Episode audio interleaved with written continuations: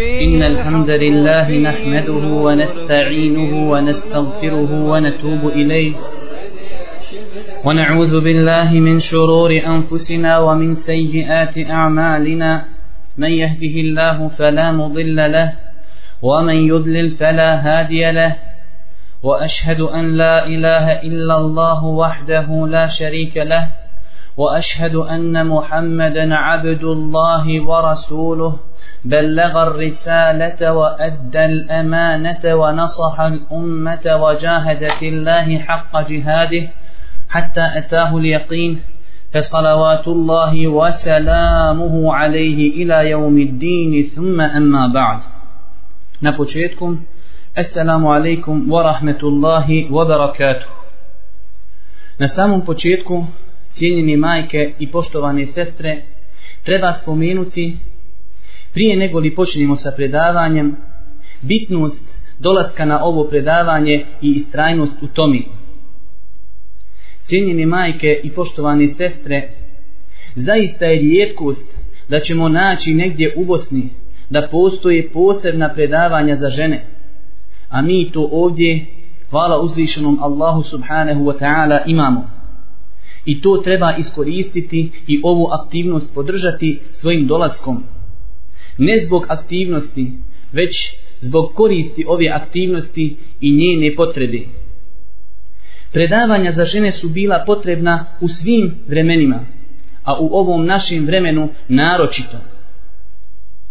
Jer pogledajmo u realnost, vidjet ćemo da muškarci svakog petka slušaju hutbu i to je jedan vid edukovanja, vid obnavljanja i jačanja imana. Također, kod nas ovdje već godinama imaju sedmišna predavanja koja su također jako korisna.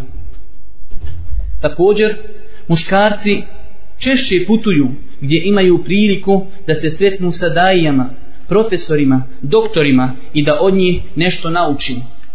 Dok, kada pogledamo u drugu stranu, stranu žena, evidentno je da žene ne uživaju spomenute blagodati. A ako se na to pridoda nepostojanje ženskog odgovarajućeg kadra, koji bi mogao da dopuni sve to, onda tek vidimo kolika je bitnost ovih predavanja. Također, ovo je prilika da se uživo postave pitanja na koja ćemo nekada dati odmah odgovore, a ako situacija bude zahtijevala, odgoditi odgovor do sljedećih predavanja. Na taj način, cijenjeni majke i poštovani sestre, saznaćemo kako je stanje i sa našom braćom. Možda se neko i začudi kako na predavanjima za žene da saznamo kako je stanje među braćom. Jednostavno.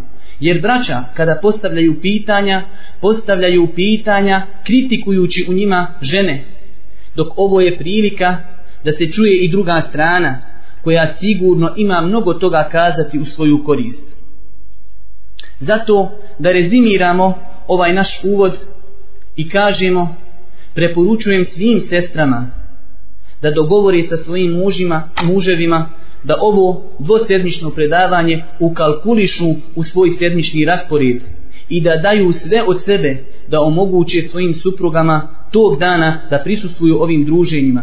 Normalno, ako tu postoji neki sestara koji nisu udate, onda ta obaveza spada na njih da ovo predavanje i ovo druženje koje je zasigurno mnogo bitno ukalkulišu u svoj sedmični raspored obaveza. Na kraju cijenjeni majke i sestre, preporučujem svakoj od vas da sljedeći put pokuša sa sobom dovesti nekoga iz komšiluka, da li neku ženu koja već dobro praktikuje vjeru, a ne zna za ova druženja, ili neku ženu koja se slabo pridržava vjeri, ali pokušava i interesuje se za spoznajom Allahove subhanahu wa ta'ala vjeri, jer znajte da je to jedan veliki vid daveta širenja Allahove subhanahu wa ta'ala vjeri i znajte da ako neko dođe vašim sebebom i nauči nešto od Allahove subhanahu wa ta'ala vjeri i to bude praktikovao, vi ćete imati istu nagradu kao i on, a da se neće od njegove nagrade ništa umanjiti. To je što se tiče uvoda. Što se tiče današnjih predavanja, treba da kažemo na početku da će ono možda biti malo duže od nekog klasičnog predavanja koje traje pola sata ili 40 minuta, ali dozvolite nam da produžimo možda nekih desetak minuta iz razloga što su ova predavanja jednom u 15 dana, zato produžetak od 10 minuta, inšala, neće ništa značiti. Što se tiče našeg današnjeg izlaganja, ono je, kao što ste vidjeli na temu, neznanje, najveći neprijatelj ženi. Da pojasnimo ovu riječ neznanje. U svakom slučaju pod ovom riječu mislimo nepoznavanje šerijatskih znanosti i propisa Allahovi subhanahu wa ta'ala djeri. Nakon što smo shvatili ovo, naslov predavanja bi mogao da glasi nepoznavanje propisa Allahovi subhanahu wa ta'ala djeri je najveći neprijatelj ženi. Ovo ni u kom slučaju cijenjene majke i poštovane sestre ne isključuje da žena treba da uči i druge stvari, da se edukuje u drugim znanostima, ali mi danas govorimo o neznanju kada se gleda s šerijatskog aspekta. Da li smo, cijenjene majke i poštovane sestre, ikada sebi postavili pitanje šta je razlog velikog broja grešaka u ibadetima, a najviše u namazu? Do te mjere da sam ja u ovom ovdje centru držao serijal emisija u kojima smo obrađivali tematiku greške u namazu, zasigurno je razlog toga neznanje. Jesmo li ikada postavili sebi pitanje šta je razlog velikog broja bračnih problema među supružnicima? Zasigurno je to neznanje. Supružnici ne poznaju prava svog supružnika, što neminovno vodi do problema koje niko ne voli. Neznanje je razlog problema u društvu što ćemo mi to pojasniti poslije. Zar nije neznanje to koje je prouzrokovalo da muslimani ne osjećaju slast u ibadetu? Zar nije neznanje to koje je prouzrokovalo da su muslimani doživjeli ovo što svi vidimo od poniženja na svakom mjestu? Zato islam kao potpuna vjera, vjera koja nije ostavila ništa nedefinisano, nije ostavila ni jedan problem, a da nije ponudila rješenje za taj problem i alternativu, mnogo posvećuje pažnje u borbi protiv neznanja, mnogo podstiče na edukovanje, opismenjavanje, izučavanje i na kraju podučavanje drugih. Po tom pitanju, cijenjene majke i poštovane sestre, Islam ne pravi razliku između muškarca i ženi, i svi tekstovi u kojima se naređuje traženje znanja obuhvataju muškarce i žene. Pa makar se hadis odnosio i bio izgovoren u muškom rodu. Ovdje možemo koristi radi spomenuti jednu stvar koja nije vezana za naše predavanje, a to je osnova je u šerijatu da se muškarci i žene ne razlikuju kada su u pitanju propisi sve dok ne dođe poseban argumentat koji izdvaja jednu od ove dvije skupine. Pa ćemo tako, na primjer, naći da je obaveza klanjati i muškarcima i ženama, ali žene kada imaju mjesečnicu, onda one ne klanjaju zato što su došli posebni argumenti koji izuzimaju ženu iz obaveze namaza u tom periodu. Stoga nema razlike između muškarca i ženi. Kada je u pitanju poznavanje propisa čistoći, namaza, posta, zekijata, braka, razvoda i ostali drugi ibadeta. Poslušajte cijenjene sestre i poštovane majke ovaj hadis da vidimo koliko islam podstiče na traženje znanja do te mjeri da postiče muškarca da poduči svoju robinju lijepim ponaš, lijepom ponašanju. U hadisu koji je zabilježio imam Et-Tirmidvi, a hadis je vjerodostan kao što je to potvrdio Ših Albani rahmetullahi alehi od Ebu Burejde. Tri osobe će dobiti dvije nagrade, inače duplu nagradu na sudnjem danu. Rob koji bude ispunjavao prava Allaha subhanahu wa ta'ala i prava svog vlasnika. Čovjek koji je imao lijepu robinju, pa je odgoji na najljepši način, zatim je oslobodi, a zatim je oženi želeći time Allahovo zadovoljstvo i čovjek koji povjeruje u jednu objavu, a kada dođe druga, povjeruje u nju. U jednom drugom rivajetu ovog hadisa stoji čovjek, jedan od ehlul kitabija, povjeruje u svoju objavu, a zatim povjeruje u Božijeg poslanika, sallallahu alihi wasallame. Zamislite, Islam postiče čovjeka da odgoji svoju robinju, pa šta je onda sa odgojom svoje supruge, svoje djece, svojih potomaka? Zasigurno je to mnogo, mnogo preći. Pogledajte cijenjene majke i poštovani sestre, kako su ashabike shvatile potrebu za znanjem, do te mjere da su poslale Božijem poslaniku sallallahu alaihi wasallam jednu od njih da traži od Božijeg poslanika sallallahu alihi wasallam da zakaže ženama određeni termin kada će samo njima vajziti. Pa je Božji poslanik sallallahu alihi wasallam zakazao i rekao tog i tog dana u kući te i te žene se okupite pa je došao Božji poslanik sallallahu alihi wasallam i vajzio samo ženama. Zad ne vidimo to da su žene same došle i tražile od poslanika sallallahu alaihi wasallame termin u kojem će se on obraćati samo njima subhanallah ako je u to vrijeme bilo potrebe za time onda ne treba spominjati ovo vrijeme u kojima su neprijatelji islama okomili se na ženu muslimanku i bore se svim raspolož, raspoloživim sredstvima protiv islamske nošnje islamskog odgoja islamskog morala, islamske časti i islamskog stida. Dosta puta ćemo naći neprijatelje islama da na indirektne načine bore se protiv spomenutih stvari. Spomenut ćemo samo jedan primjer, ali prije nego što navedemo ovaj primjer, nakon toga ćemo spomenuti još mnogo fikskih primjera, želim da kažem da primjere koje spominjemo ne odnosi se ni na koga pojedinačno. Ovo su primjeri i bolke cijelog islamskog ummeta. Zato ako se neko prepozna ovim problemima i primjerima, neka ne misli da se obraćamo direktno njemu, već su ovo stvari u kojima je zakazao cijeli islamski ummet tako ćemo naći neprijatelje islama da se na indirektan način borije protiv islamskog stida, islamske časti, islamskog morala, na taj način što ljudima plasiraju razno razne serije koje dolaze sa zapada.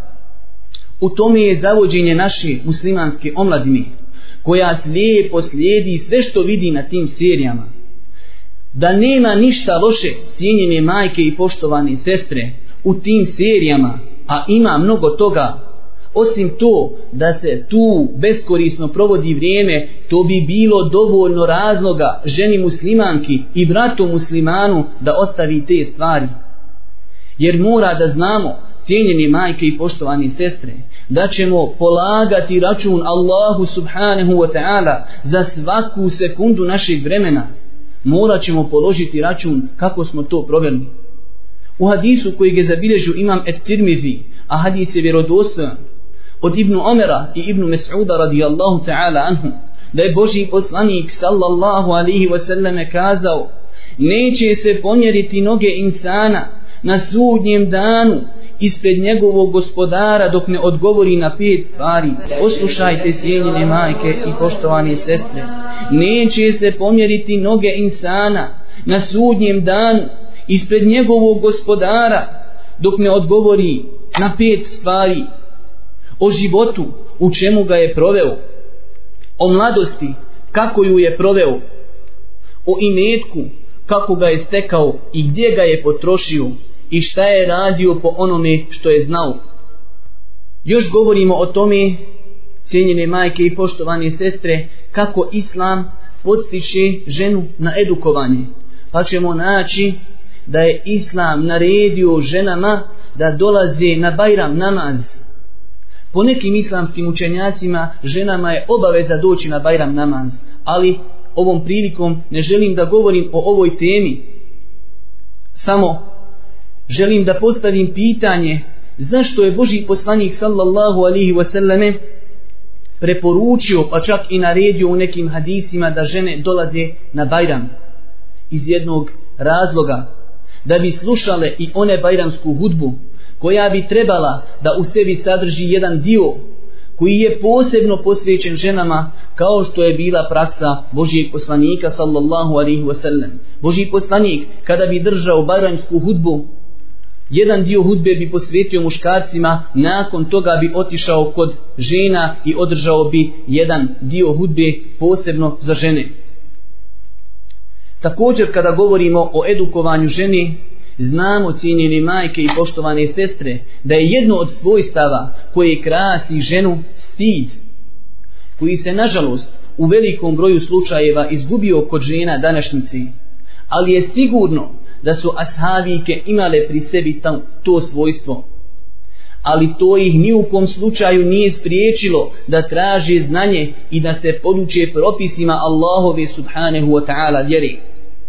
Kazala je Aisha radijallahu ta'ala anha, divne li su žene ensarike? Njih stid nije spriječio da se poduče propisima Allahove subhanahu wa ta'ala vjeri. Mi živimo u jednom čudnom vremenu. Živimo u vremenu kada se žene, nažalost nekada i one žene koje praktikuju vjeru, stide da upitaju za propise vjeri, ali ćemo naći tako velik broj žena koji se deklarišu kao muslimanke da se ne stide izaći na ulicu razgoličene ili onako kako to šerijat zabranjuje. Pogledajmo cijenjene majke i poštovane sestre, zar hadis o kupanju ženi od džunupluka nije prenijela umu seleme? Hadis u Buhari i muslimu da je došla umu sulejn, žena Ebu Talhi, i kazala o Boži poslaniće Allah subhanahu wa ta'ala se ne stidi istini pogledajte kako je ta žena imala edeb i ponašanje naspram Božijeg poslanika, pa počinje svoje pitanje ovim uvodom pa kaže, o Božiji poslaniće, Allah Đerlešanu se ne stidi istini. Je li žena obavezna da se okupa kada doživi poluciju u snu? Pa je kazao Božiji poslanik, sallallahu alihi wasallame, da, ako vidi tragove tečnosti. Također, ako pogledamo u istoriju Islama, vidjet ćemo da Islam kroz cijelu historiju, tokom svih generacija, bilježi žene koje su bile učene i koje su bile veliki poznavaoci propisa vjeri. Zasigurno na čelu skupine tih žena je Aisha radijallahu ta'ala anha, koja je uživala veliki ugled kod ashaba i nerijetko bi dolazili ashabi da je pitaju o propisima vjeri. Mnogo je argumenta, cijenjene majke i poštovane sestre, koji ukazuju na vrijednost sticanja znanja. Toliko mnogo da imaju knjige napisane samo na tu temu, imaju predavanja održana samo na tu temu, pa ćemo naći predavanje u kojem se iznose samo argumenti iz Kur'ana koji ukazuju na vrijednost sticanja znanja pa ćemo naći drugo predavanje gdje se iznose samo argumenti hadisi Božijeg poslanika sallallahu alaihi wasallame koji ukazuju na vrijednost i potrebu traženja znanja. Mi ćemo ovom prilikom, zbog skučenosti s vremenom, spomenuti samo nekoliko kuranskih ajeta i nekoliko hadisa Božijeg poslanika sallallahu alaihi wasallame ne bili se u našim srcima probudila želja za učenjem propisa Allahovi subhanahu wa ta'ala djeli. Kaže Allah subhanahu wa ta'ala يَرْفَعِ اللَّهُ الَّذِينَ آمَنُوا مِنْكُمْ وَالَّذِينَ أُوتُوا الْعِلْمَ دَرَجَاتِ وَاللَّهُ بِمَا تَعْمَلُونَ خَبِيرٍ Allah će na visoke stepene uzdignuti one među vama koji vjeruju i kojima je dato znanje, a Allah dobro zna ono što vi radite. Pogledajmo, Kaže Allah Đelešanhu, Allah će na visoke stepene uzdignuti one među vama koji vjeruju i kojima je dato znanje, a Allah dobro zna ono što vi radite. Također kaže Allah subhanahu wa ta'ala u suri Ali Imran, Šehid Allahu ennehu la ilaha illa hu, wal melaiketu wa ulul ilmi qainan bil qist, la ilaha illa huwa al azizul hakim. Allah subhanahu wa ta'ala svjedoči da nema drugog Boga osim njega, a i meleki i učeni i da on postupa pravedno, nema Boga osim njega sivnog i mudrog. Pogledajte, cijenjene majke i poštovani sestre, Allah subhanahu wa ta'ala prihvatio je svjedočenje učenih ljudi. U čemu je prihvatio njihovo svjedočenje? U najvećoj stvari, u svjedočanstvu da nema drugog Boga sem Allaha subhanahu wa ta'ala. Mi znamo, kada čovjek dođe pred šerijatskog kadiju, treba da bude povjerljiv kako bi se prihvatilo njegovo svjedočenje. Zamislite kolika je vrijednost učenjaka kada je Allah subhanahu wa ta'ala prihvatio njihovo svjedočenje. Također, zadnji ajet koji ćemo citirati, koji ukazuje na vrijednost znanja, jeste riječi Allaha subhanahu wa ta'ala gdje kaže وَنَا أَرْسَلْنَا مِنْ قَبْلِكَ إِلَّا رِجَالًا نُوحِ إِلَيْهِمْ تَسْأَلُوا أَهْلَ ذِكْرِ إِنْ كُنْتُمْ لَا تَعْلَمُونَ Mi smo i prije tebe samo ljude kao poslanike slali i, objavlja, i objavljivali pitajte učeni ako ne znate Što se tiče hadisa Božijeg poslanika, sallallahu alihi wasallame, njih je također na ovu temu mnogo, mi ćemo spomenuti samo dva hadisa. U hadisu koji je zabilježio imam et tirmidhi, a hadis je vjerodostojan od Ebu Umane el Bahilija radijallahu ta'ala anhu, da je kazao, spomenut je učenjak i pobožnjak u prisustvu Božijeg poslanika sallallahu alihi wasallame, pa je kazao poslanik, vrijednost učenog nad pobožnim je kao vrijednost mene u odnosu na nekog od vas. Zamislite cijenjene majke i poštovane sestre, vrijednost učenog nad pobožnim je kao vrijednost mene u odnosu na nekog od vas. Pa je kazao, zaista Allah i njegovi meleki, stanovnici zemlje i nebesa, pa čak i mrav u svojoj nastambi i riba u vodi donose salavac to je straže istighfar i upućuju dovu Allahu subhanahu wa ta'ala na onoga ko podučava ljude hajru također u hadisu koji je zabilježio imam at-Tirmizi a hadis je vjerodostojan od Ebu Darda radijallahu ta'ala anhu da je rekao poslanik sallallahu alihi wasallame ko krene putem traženja znanja Allah će mu njime olakšati put u džennet Meleki prostiru svoja krila onome ko traži znanje i zadovoljstva njegovim postupkom. Poslušajte nastavak ovog hadisa. Za učenog traže oprost stanovnici nebesa i zemlje, pa čak ribe u vodi. A vrijednost učenog nad pobožnim je kao vrijednost mjeseca u noći učtapa nad ostalim zvijezdama. Ovdje ćemo samo zakratko se zaustaviti kod ovog hadisa – Pogledajmo, cijenjene majke i poštovani sestre, Božji poslanik, između koga pravi komparaciju, između učenog i pobožnog, i opet je toliko velika razlika među njima. Zamislite, zamislite da se pravi komparacija između učenog i običnog insana koji nije pobožan, kako bi tek tada bila velika razlika među njima. Također pogledajte kako Boži poslanik pojašnjava vrijednost učenjaka pa kaže poredi učenjaka sa pobožnjakom pa kaže razlika je među njima kao što je razlika mjeseca ali kada u noći uštapa kada je mjesec pun zaista je tada velika razlika u sjaju između mjeseca i zvijezda e tolika je razlika između učenih ljudi i pobožnih a zamislite onda kako je velika razlika između učenjaka i običnog svijeta. Zasigurno, mi živimo u vremenu kada su sredstva pesada prisutna na svakom koraku, ali vjerujte i znajte da se velik broj stvari tehnoloških dostignuća može koristiti u pozitivne svrhe. Primjera radi, kasetofon, televizija, kompjuter, internet, sve su ovo stvari mačevi sa dvije oštrice. Kako god se može slušati na kasetofonu muzika, tako se na njemu mogu slušati i predavanja. Kako god se na kompjuteru mogu igrati samo igrice, na kompjuteru se mogu slušati i predavanja i može se slušati učenje Kur'ana, također na internetu. Također treba da imamo na umu jednu stvar, cijenjene majke i poštovani sestre – Pogledajte samo kako je u ovom našem vremenu olakšano sticanje znanja.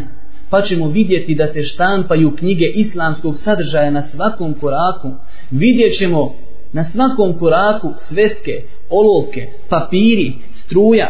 Mi malo razmišljamo o tim stvarima, ali znajte da su to blagodati od Allaha subhanahu wa ta'ala, da su to stvari koje nisu posjedovali naši prijašnji učenjaci, Zamislite prijašnje učenjake, želi da zapiše samo jednu korist koja mu je na um pala nakon što je legao, nakon što je ugasio ili svijeću ili neku lampu, ustaje pa mora da zapali svijeću ili lampu. Tada nije bilo šibici, pa kako? pa zapali to, pa ustani, pa zapiši sa tintom i sa perom, pa opet da legni spavati, pa mu opet napadne korist i tako više puta u toku jedne noći. A kako smo mi sada u velikim blagodatima, čovjek samo na jedan pritisk dugmeta znači ima struju, imamo sveske, imamo olovke, imamo knjige, imamo kompjutere, imamo kasetofone, ali najmanje znanja imamo. Zato znajte cijenjene majke i poštovane sestre da ćemo biti pitani za ove blagodati i kako smo koristili ove blagodati. Zato kažemo velika je greška za postavljanje edukovanja i podučavanja ove velike polovine društva koja ljulja i odgaja drugu polovinu društva. Zato nije slučajno to što neprijatelji islama napadaju na ženu i na sve moguće načine žele da je odvoje od pridržavanja za islam. Žele da izvedu ženu iz kući, žele da žena ostavi ono što dolikuje njoj i njenoj prirodi, a da joj daju ono što ne dolikuje njoj i njenoj prirodi. Kada govorimo o, o ostranjivanju neznanja, bilo da se radi o čovjeku, bilo da se radi o ženi, moramo imati dvije stvari na umi. I te kako bitne čovjek mora prvo da shvati potrebu, njegovu potrebu za znanjem, a druga stvar, čovjek mora da shvati realnost našeg poznavanja vjeri. Jer kako tražiti od čovjeka da krene putem traženja znanja, edukovanja, ako nije svjestan vrijednosti tog znanja? a s druge strane kako tražiti od čovjeka da krene putem traženja znanja ako on i sam nije svjestan da ne zna da treba da se poduči propisima Allahovi subhanahu wa ta'ala vjeri kada pogledamo cijenjeni majke i poštovane sestre u naše stanje vidjet ćemo mnogo čudnih stvari vidjet ćemo jednu stvar a to je za sve što nam treba u ovo dunjalučkim stvarima, mi pitamo one osobe čija je to struka. Pa na primjer, ako želimo nešto sašiti, mi nećemo to prepustiti sebi, već ćemo to odnijeti nekoj osobi koja se bavi time, šnajderici, kako ne bi upropastili jedan komad platna. Ili ako imamo problema sa zdravljem, zdravljem idemo kod doktora, ali ako nam nešto treba, od Allahove subhanu wa ta'ala vjeri ili ako imamo nekih nejasnoća mi sebi dajemo za pravo mi sebi dajemo za pravo da govorimo o Allahove subhanu wa ta'ala vjeri i to dosta puta bez znanja a znajte cijenjene majke i poštovane sestre da je govor o Allahovoj subhanahu wa ta'ala vjeri veliki grijeh pa čak do te mjere da su to neki smatrali većim grijehom od širka Kaže Allah subhanahu wa ta'ala Innama je'murukum bis su'i wal fahša Wa antakulu ala Allahi ma la ta'lamun On, šeitan, vas navraća na grijeh i razvrat i na to da o Allahu govorite ono što ne znate.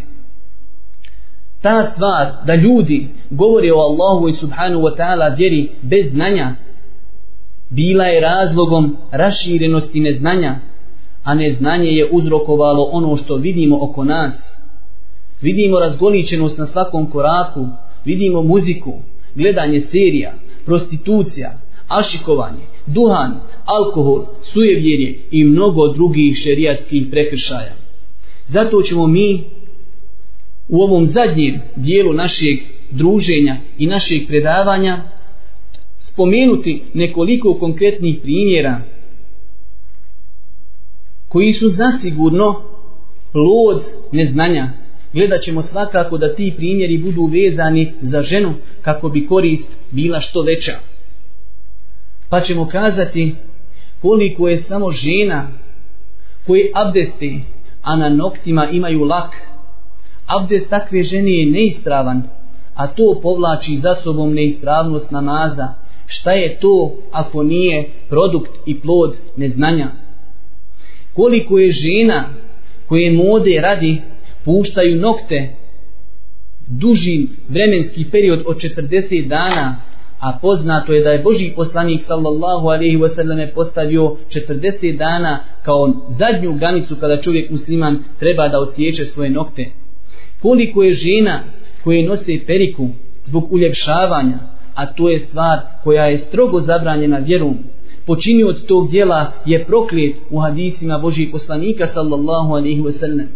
Koliko je žena koje čupaju obrve, a to je stvar koja je po šerijatu strogo zabranjena, počinio od toga je prokret u hadisima Božih poslanika sallallahu alaihi ve sellem. Koliko je žena koje se šišaju na mušku frizuru, a to je zabranjeno po islamu, jer Boži poslanik, sallallahu alihi wasallam, je prokleo one žene koje oponašaju muškarce, a one muškarce prokleo koje oponašaju žene. Ovdje treba da spomenemo jednu stvar, a to je, dosta puta olahko se odnosimo naspram hadisa u kojima čujemo da je Boži poslanik, sallallahu alihi wasallam, je prokleo nekoga.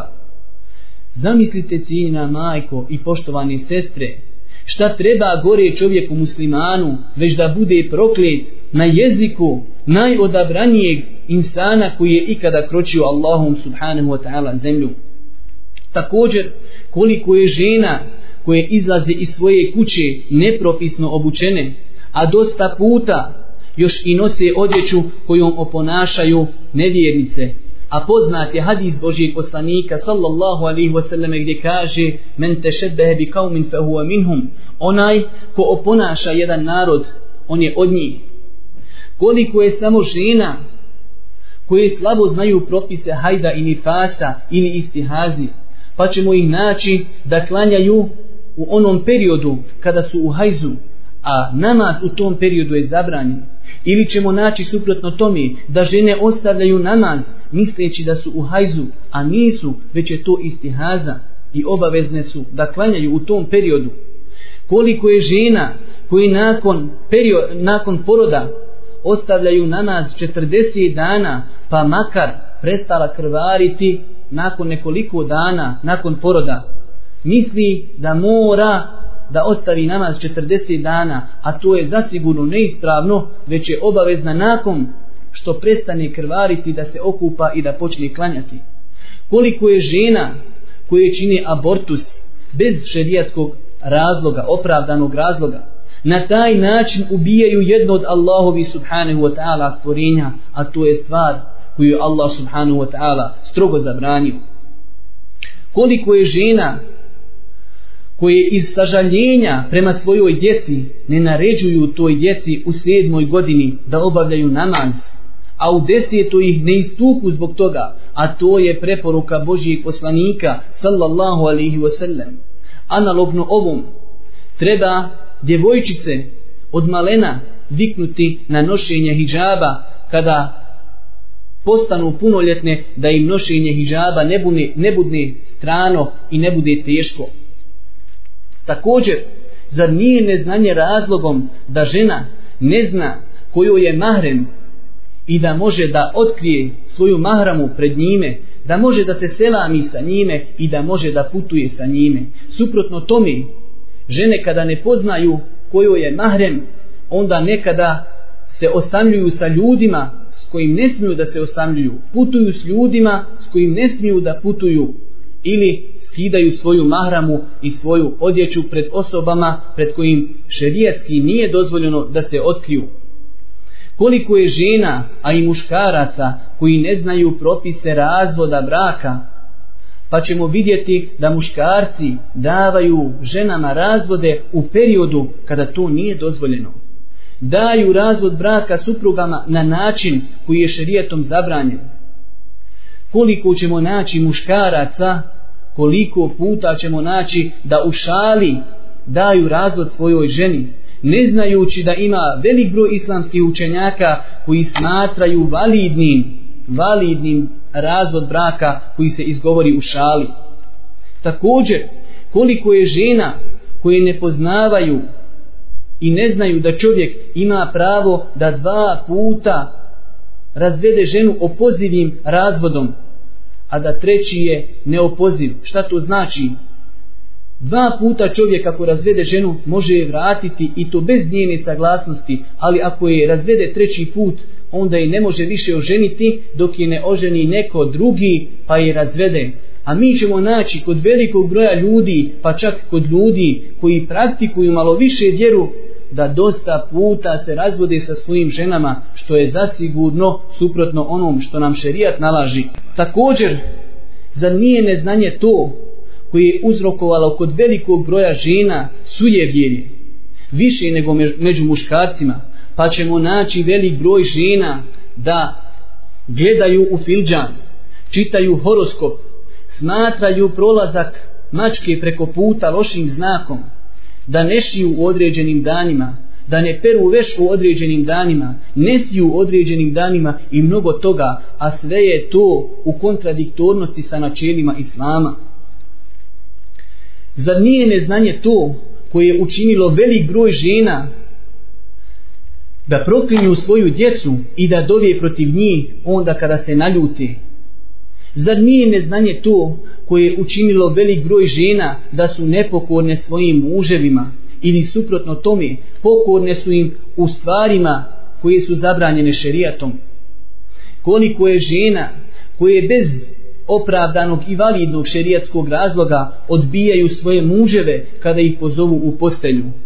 Time se izlažu proklijestvu meleka i srđbi uzvišenog Allaha subhanahu wa ta'ala. Koliko je žena koje koje šire bračne tajne, tajne intime, ne znajući da je to stvar koju je šerijat i tekako strogo zabranio. Nakon što smo naveli samo jedan mali dio oni prekršaja koji su prisutni kod nas, treba da se zapitamo cijenjene majke i poštovane sestre, kako očekivati Allahu subhanahu wa ta'ala blagoslov, kako očekivati Allahu subhanahu wa ta'ala bereket, kako očekivati uredan život u našim porodicima, a toliko je osoba, toliko je osoba u našoj sredini koje su proklete na jeziku Božijeg poslanika sallallahu alaihi wasallame. Zato na kraju ovog našeg druženja da rezimiramo i kažemo neznanje je zasigurno veliki neprijatelj ženi. Zato cijenjena majko i sestro, znaj da je vaša uloga u društvu velika, mnogo veća nego što mislimo. Znajte da iza svake da iza svakog islamskog velikana stoji velika majka koja je bila njegova prva učiteljica. Iza svakog islamskog velikana, iza svakog alima, iza svakog vojskovođe stoji velika majka koja je bila njegova prva učiteljica u životu. Znajte da žena koja ostavi islamski način življenja, da je vatra koja uništava društvo. A suprotno tomi, ako se pridržava islama, postaje veliki stup islamskog društva.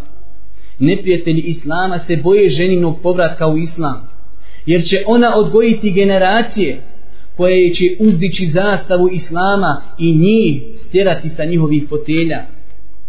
Onog momenta kada je žena znala svoju ulogu Njeni plodovi su bili učenjaci koji su danonočno radili za Allahu subhanahu wa ta'ala vjeru. Njeni plodovi su bili muđahidi koji su svojom krvlju pisali blistave stranice istorije Islama. Zamislite cijenjeni majke i poštovani sestre Usama ibn Zaid Ashab radijallahu ta'ala anhum vojskovođa kojeg je postavio Božji poslanik sallallahu alihi wasallane na čelo vojske u kojoj je bio Ebu Bekr i Omer radijallahu ta'ala anhu a imao je samo 18 godina a pogledamo li naše omladince od 18 godina da li su u stanju naruče drva donijeti u kuću sa naušnicom u ušima mobitelem u džepu frizurom kojom oponašaju nekog od igrača, dali Bekama ili Ronalda, izvučenih pramenova, uskih farmerica, dresom državi koja je dojuče ubijala po Bosni, silovala muslimanke po Bosni, da malo bolji vjetar puhne takvog insana bi oborio te osobe njih ne interesuje šta se dešava muslimanima u Čečeni, u Palestini, u Afganistanu, u Iraku. A kako bi tražili nešto bolje od njih kada su oni odrasli na ulici, odrasli su u kafiću, odra, odrasli su gledajući televiziju, satima i satima sjedeći pred video igricama. Sve ovo nas ponovo vraća na našu temu a to je uloga majke u jednom društvu. A teško će jedna majka biti svjesna njene uloge ako ne poznaje propise Allahove subhanahu wa ta'ala vjeri. Zato cijenjeni majke i poštovani sestre koristite Allahove blagodati prema nama jer nas je Allah subhanahu wa ta'ala u ovom vremenu iskušao sa nekim iskušenjima, ali i dao nam je velike blagodati. Koristite blagodati knjiga, blagodati kaseta, blagodat kompjutera i blagodat interneta. I na kraju, na kraju jedna najbitnija stvar, poruka svakoj majici i svakoj sestri da sebi napravi dnevni raspored druženja sa Allahom subhanahu wa ta'ala knjigom Kur'anom za one osobe koje ne poznavaju arapski jezik obavezno iščitavanje prijevoda Kur'ana, razmišljanje o Allahovim subhanahu wa ta'ala ajetima i na kraju praktikovanje svega toga u svakodnevnom životu. Jer znajte, cijenjene majke i poštovane sestre, onog momenta dok su muslimani družili se sa Allahom subhanahu wa ta'ala knjigom i bili su prvi u svijetu i njihova riječ je bila teška, imala je svoju snagu. Onog momenta kada su muslimani zamotali mushafe i ostavili u vetrine, tada su doživjeli ono što mi danas vidimo. Molimo Allah subhanahu wa ta'ala na kraju ovog našeg druženja da nas učvrsti, da nas poduči propisima Allahove subhanahu wa ta'ala vjeri. Molimo ga subhanahu wa ta'ala da pomogne muslimane u svim dijelovima islamskog svijeta. Molimo ga subhanahu wa ta'ala da nam bude milostiv na sudnjem danu i na kraju subhaneke Allahumme ve bihamdike ešhedu en la ilaha illa ente estagfiruke wa etubu ilaih.